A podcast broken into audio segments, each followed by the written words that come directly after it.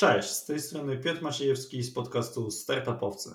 Sztuczna inteligencja coraz częściej uczestniczy w naszym codziennym życiu. O przyszłości i obecnym zastosowaniu tej technologii rozmawiam z moim dzisiejszym gościem, doktorem matematyki, laureatem konkursu 30 Under 30 i założycielem startupu Contentize, Przemysławem Chojeckim. Cześć Przemek, e, witam Cię bardzo serdecznie. Dziękuję, że przyjąłeś e, zaproszenie i że znalazłeś e, czas na tę rozmowę. Cześć Piotr, dziękuję za zaproszenie i jestem chętny rozmawiać o ciekawych rzeczach startupowych i nie tylko.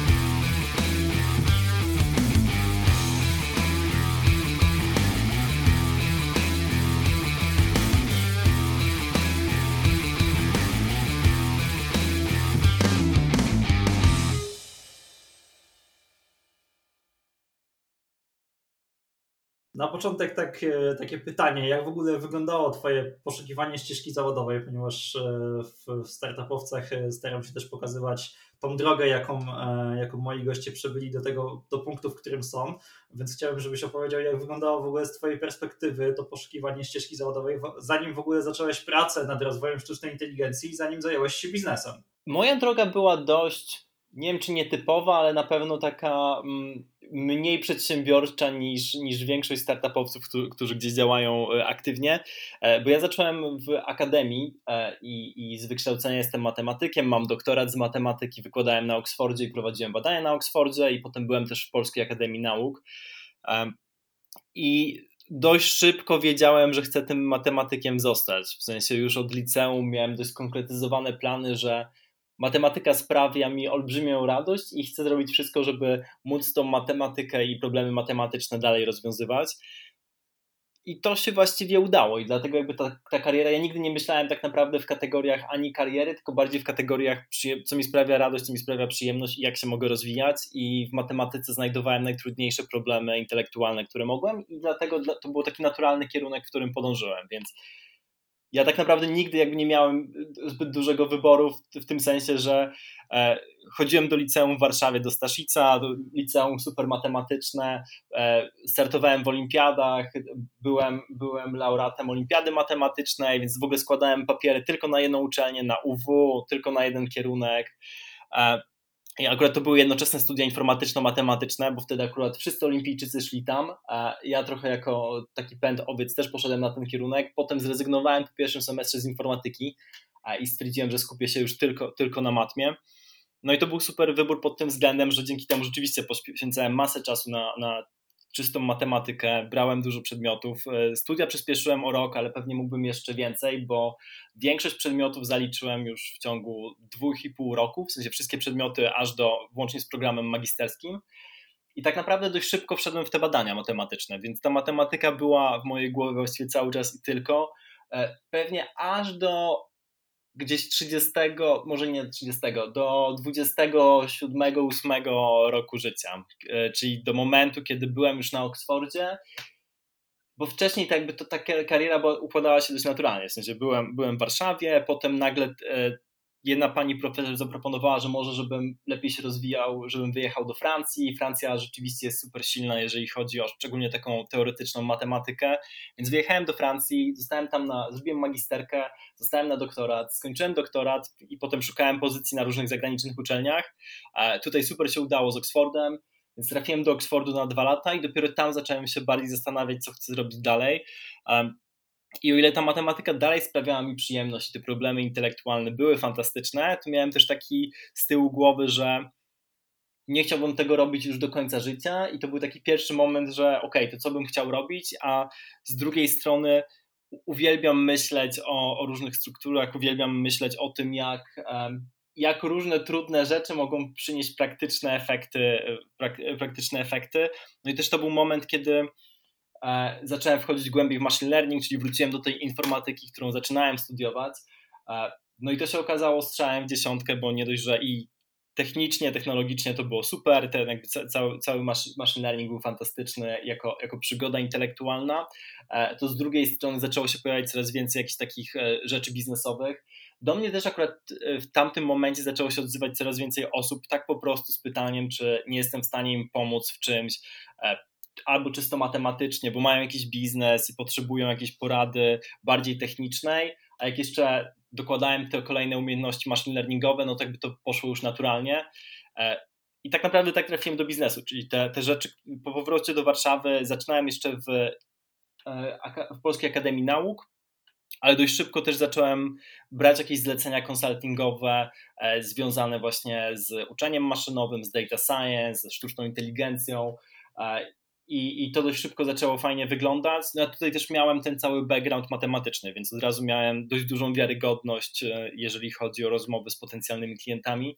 Więc ten biznes e, konsultingowy na początku, który zresztą gdzieś tam w tle dalej istnieje pod, pod nazwą Ulam AI, e, on się szybko, szybko rozwinął i szybko zaczął działać dość sprawnie.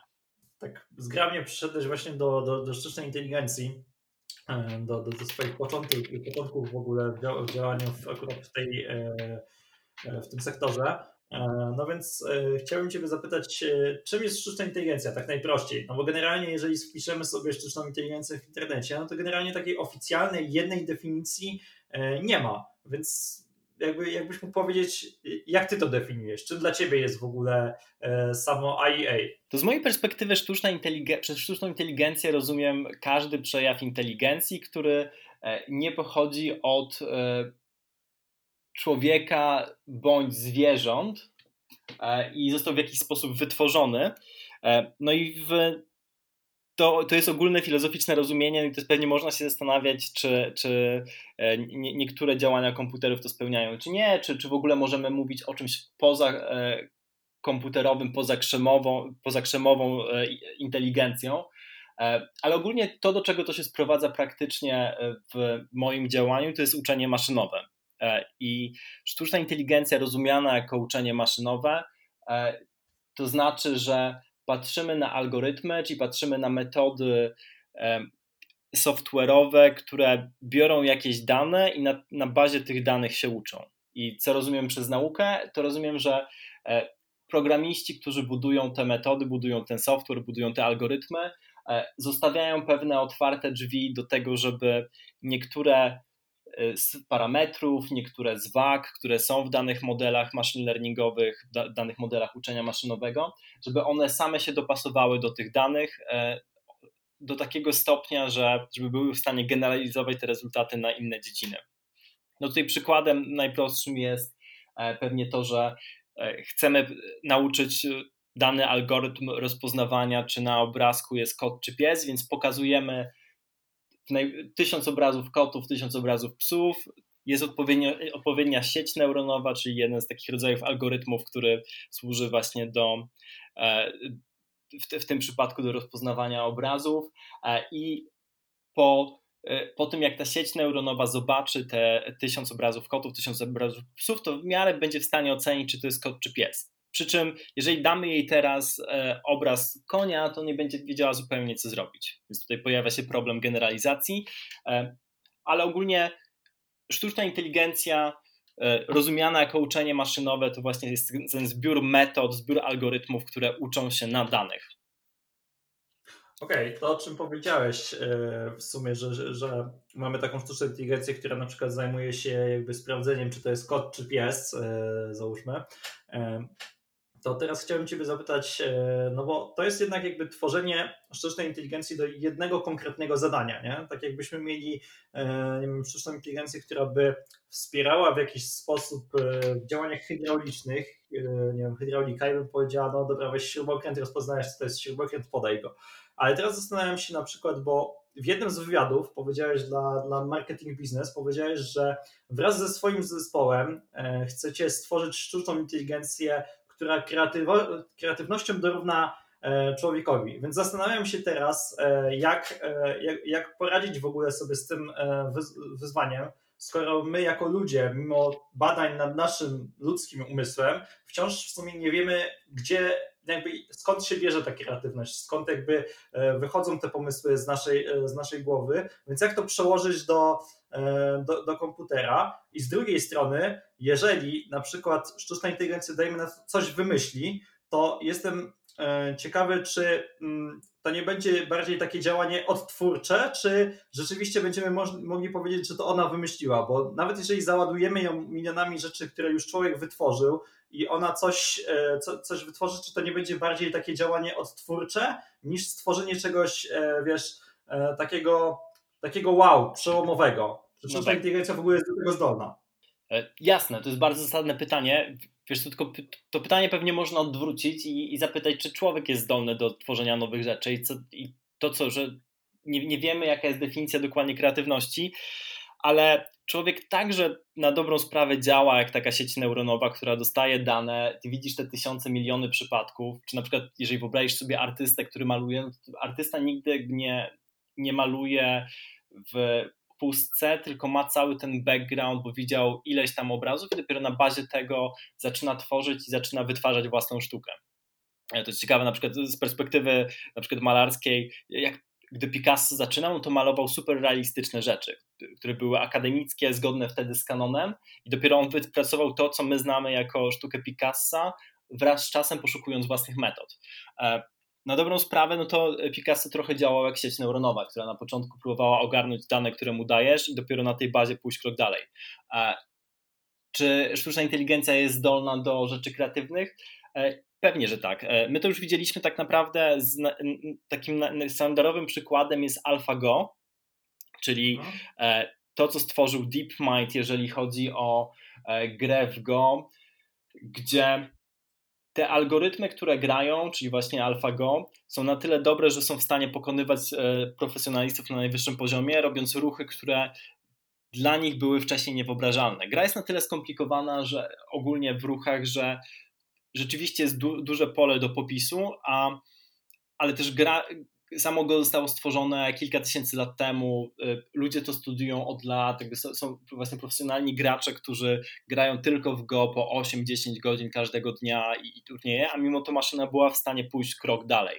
Więc w obrębie jakiejś takiej wąskiej dziedziny, e, w tym przypadku Go, e, widać już było jakąś kreatywność w postaci jakby zaproponowania nowego rezultatu. Mimo tego, że a priori ten algorytm tak naprawdę, w szczególności AlphaGo Zero, czyli ta kolejna iteracja, działała tak, że dostała tylko miliony rozegranych gier i, na, i na, nawet mniej. AlphaGo Zero nauczyło się grać na bazie rozgrywek samej ze sobą, a AlphaGo jakby dostało to jeszcze miliony rozgrywek od profesjonalistów.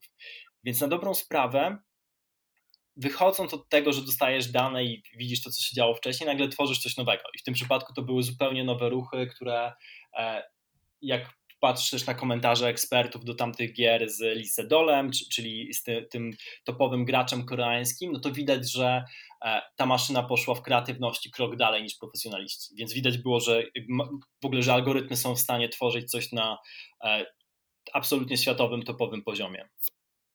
No dobra, a jak wygląda kwestia sztucznej inteligencji i jej takiej e, świadomości? No bo jakby z perspektywy znaczy, generalnie bardzo ciężko udowodnić, że sztuczna inteligencja jest, e, jest świadoma tego, co, e, co, co robi, e, bo to jest, bo nawet już jakby test Turinga odchodzi powoli do, do, do lamusa, więc jeżeli my chcemy aspirować w tym kierunku, żeby stworzyć robota, który będzie de facto w sumie jeden do jeden do człowieka i będzie jakby świadomy tego, co robi, tak jak my, ludzie, tak?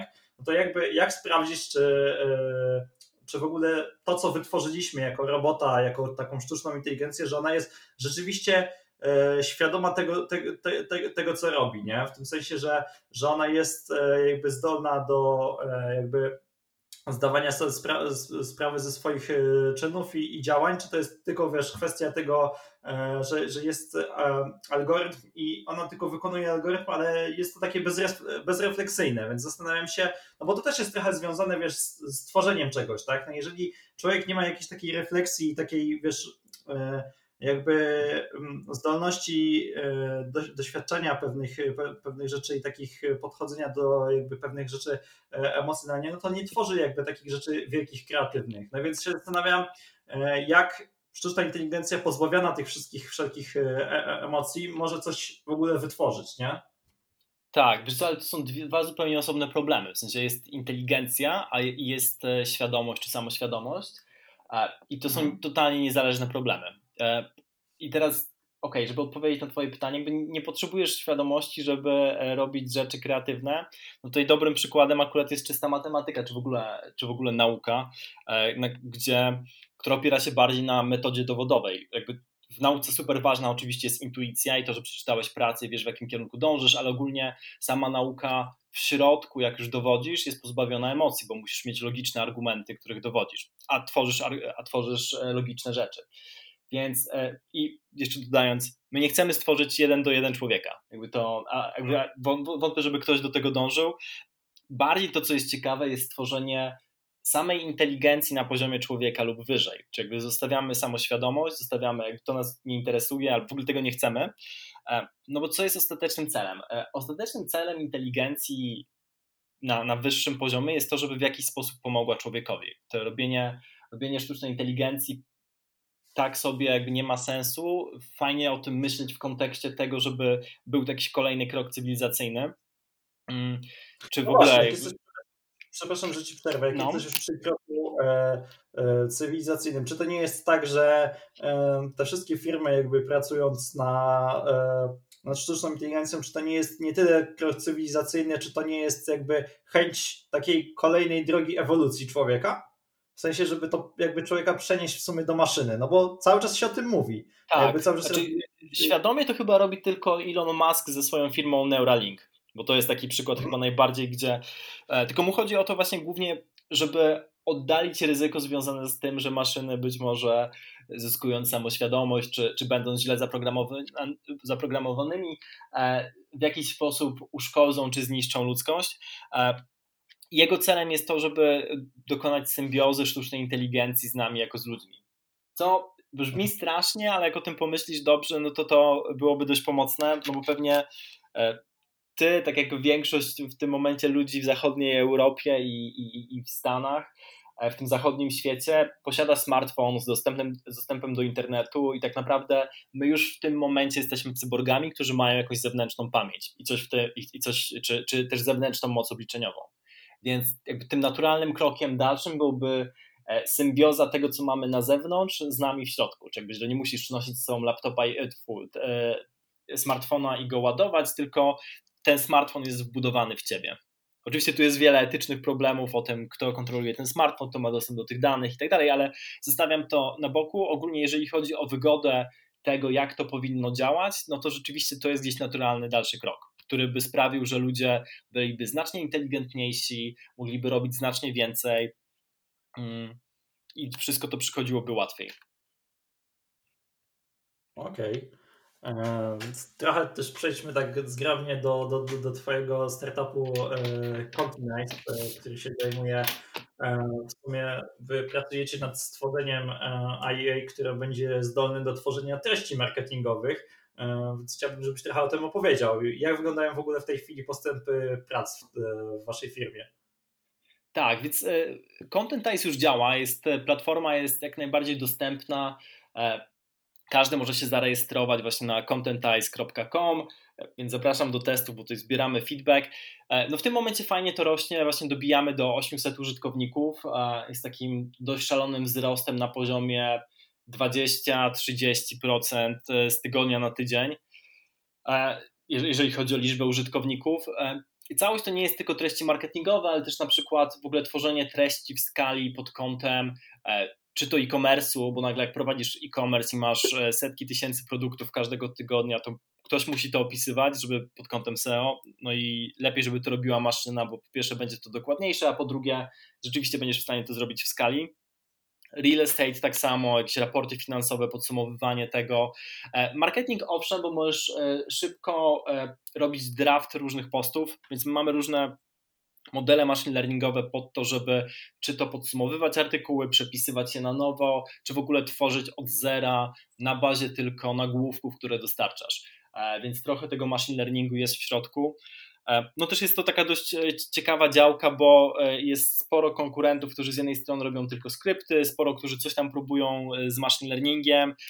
My łączymy akurat jedną i drugą część i myślę, że to wychodzi dość fajnie. No coś, co pokazuje ten dość szybki wzrost i zainteresowanie użytkowników. I też sam, dużo się dzieje w samej branży dookoła języka. No, takim największym przełomem ostatnio było zdecydowanie GPT-3, to e, model od e, e, OpenAI, więc tutaj OpenAI to jest kalifornijska spółka właściwie działająca trochę jako fundacja, oni nie zarabiają pieniędzy w tym, w tym momencie w żaden sposób. Wprawdzie mają miliardowe dofinansowanie od Microsoftu i też włożył w to pieniądze sam Altman, Elon Musk, E, ale ogólnie sami z siebie nie, nie mają w tym momencie jeszcze żadnych zewnętrznych dochodów. E, pracują nad taką najtrudniejszą sztuczną inteligencją rzeczywiście, tymi algorytmami. I model, który stworzyli, model językowy, e, to GPT-3, jest modelem, który pozwala generować znacznie lepsze i ciekawsze treści niż dotychczas. W szczególności super ciekawe jest to, że ten model może służyć jako translator pomiędzy człowiekiem a maszyną. I to jest chyba najbardziej e, fascynująca rzecz. Mianowicie możesz napisać w takim prostym angielskim, że e, stwórz mi stronę, która zawiera trzy przyciski: rejestracja, e, login, moje konto, i nagle dostajesz kod HTML-owy plus CSS-em, który ci daje dokładnie tą stronę. Albo możesz w ogóle zrobić podobne rzeczy, typu, że chcesz algorytm, który przeszukuje ci Twoją bazę danych i wypluwa rzeczy, nie wiem, Twoi użytkownicy między rokiem 2019 a 2020 i dostajesz kod w SQL-u, który ci robi dokładnie to. I tych przykładów jest więcej na to, że komunikujesz coś w języku angielskim, a dostajesz kod, który jest wykonywalny, który robi ci daną rzecz. Więc jakby to, to GPT-3 może stać pomiędzy człowiekiem a maszyną w rozumieniu kodu dalej.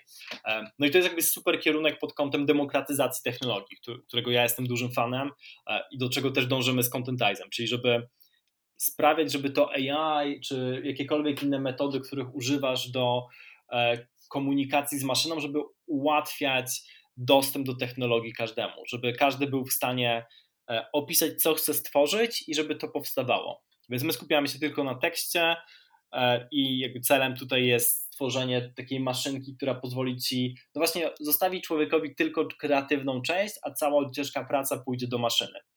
E, pewnie jak, jak, jak ty studiujesz, to wiesz, ile jest różnych esejów, które czasami musisz napisać, jakby prac, które musisz oddać. No i to jest ogólnie problem, bo kreatywnie rzecz biorąc, to Twoja praca kończy się na wyszukaniu źródeł, jakby syntezie tego i e, analizie, co chcesz napisać, a potem samo pisanie być może nie jest już takie ciekawe. I z Contentizem chcemy odpowiedzieć na ten problem. Więc to jest też problem treści, czy studenckich, marketingowych, ogólnie tworzenia ciekawych treści na bazie suchych danych. Okej, okay. jak już też powiedziałeś o, o Content Nice, e, to chciałbym Ciebie zapytać, jak wygląda mm, jakby, bo jest wiele firm, które działają podobnie jak Wy i wiele takich firm, które pracują bardzo pod, podobnie jak Wy, pracują w zasadzie nad tym samym i taka firma, która mi przychodzi do głowy, e, w sumie, która wypuściła aplikację Descript, e, która jest akurat pomocna w, w tym, co ja robię, czyli ona jest zdolna po prostu do do wrzucenia, jeżeli sobie wrzucisz plik audio, to ona jest e, zdolna do tego, żeby ci stworzyć e, transkrypcję. Na razie co prawda tylko w języku angielskim, ale już pracują nad, e, nad, nad następnymi, więc za, za, zastanawiam się jakby czym, czym się różnią takie firmy od twojej. Czy wy też będziecie pracować nad tym, żeby, żeby, żeby można było zrzucić sobie plik audio i on po prostu wygeneruje nam, nam treść w tekście?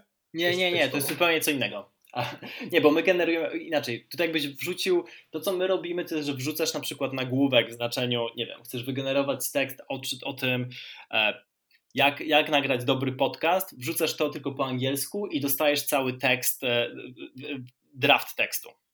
Więc to jakby jest zupełnie co innego. Jakby my bawimy się tylko tekstem. Okej. Okay. A jak powstają jakby takie, w sensie jak to wygląda od strony takiej, że ten tekst jest wypuszczony z e, sztucznej inteligencji? Chodzi mi o to, że bardzo często jest e, tak, że no na przykład wiesz, Google ma tłumaczenie, tak? No i jeżeli powiedzmy sobie jakiś licealista wrzuci tekst e, w języku angielskim, bo nie wiem, bo nauczyciel mu zadał pracę domową przetłumaczyć ten tekst, tak? No to po wrzuceniu tego do, do tłumacza Google'a, no to nie będzie tekst taki, wiesz, płynny w języku polskim, tak jak my byśmy chcieli. Więc zastanawiam się, jak to wygląda u Was. Czy po wrzuceniu jakby tekstu, znaczy tego nagłówku, który byśmy chcieli, żeby nam wygenerował wiem, tekst o tym, jak nagrać podcast, e, czy to jest już taki tekst, który nadaje się do publikowania, przypuśćmy, na, na, na portalu jakimś internetowym?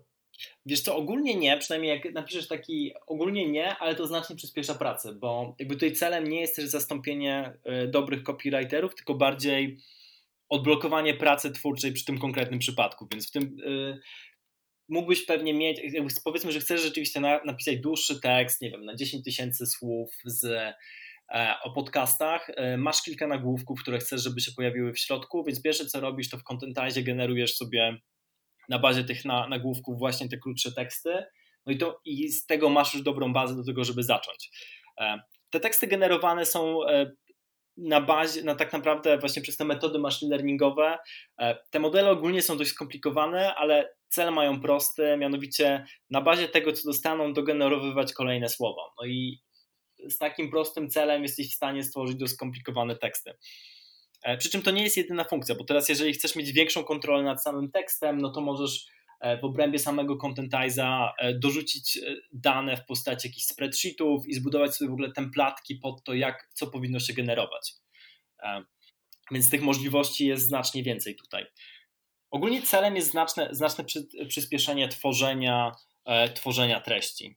Też już jesteśmy przy, mm, jakby przy, przy tych startupach z dziedziny sztucznej inteligencji, e, to chciałbym Ciebie zapytać, e, ponieważ w sierpniu tego roku na serwisie Spidersweb ukazał się artykuł na temat udawania algorytmów sztucznej inteligencji przez, przez ludzi, że no jest sobie startup, który pracuje nad tą sztuczną inteligencją, ale na przykład mają prototyp, który e, de facto nie jest e, jakby kontrolowany przez, przez ich algorytm, tylko są po prostu zaprzęgnięci pracownicy, którzy udają ten algorytm sztucznej inteligencji. No i zastanawiam się, jak takie rewelacje wpływają na, e, na taką wiarygodność wśród inwestorów.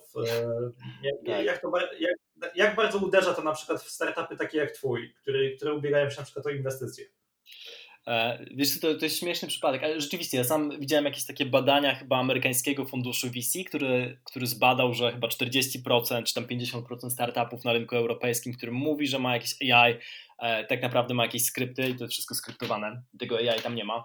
E, wiesz co, paradoksalnie to zupełnie nie uderza, w sensie jakby to nie ma w tym momencie wpływu, bo wydaje mi się, że w szczególności jak ja teraz rozmawiam z różnymi inwestorami takimi zagranicznymi, to z ich perspektywy to chyba nie ma znaczenia, jak to nazwiesz, bo pytanie ostatecznie, jak to działa, jak szybko to działa, jakie rezultaty to przynosi, e, czy to jest, czy jeżeli to nazywasz AI, czy to nazywasz to, możesz to nazwać naprawdę jakkolwiek, no pytanie oczywiście, co jest w środku, jak szybko i dobrze to działa, no my rzeczywiście używamy tych metod machine learningu, ja też bardziej mówię o machine learningu, e, czyli uczeniu maszynowym niż o AI, e, bo AI w tym momencie jest rzeczywiście trochę takim buzzwordem, ale z drugiej strony to już w większości to już nie działa jako y, buzzword, który przyciąga jakkolwiek inwestorów, no bo to już zaczęło, doszło do takiego absurdu, że tak naprawdę każdy startup ma jakiś komponent AI, co też z drugiej strony nie jest dziwne, dlatego że e, AI jako takie powinno być tylko technologią, która umożliwia ci szybsze robienie i wykonywanie pewnych, e,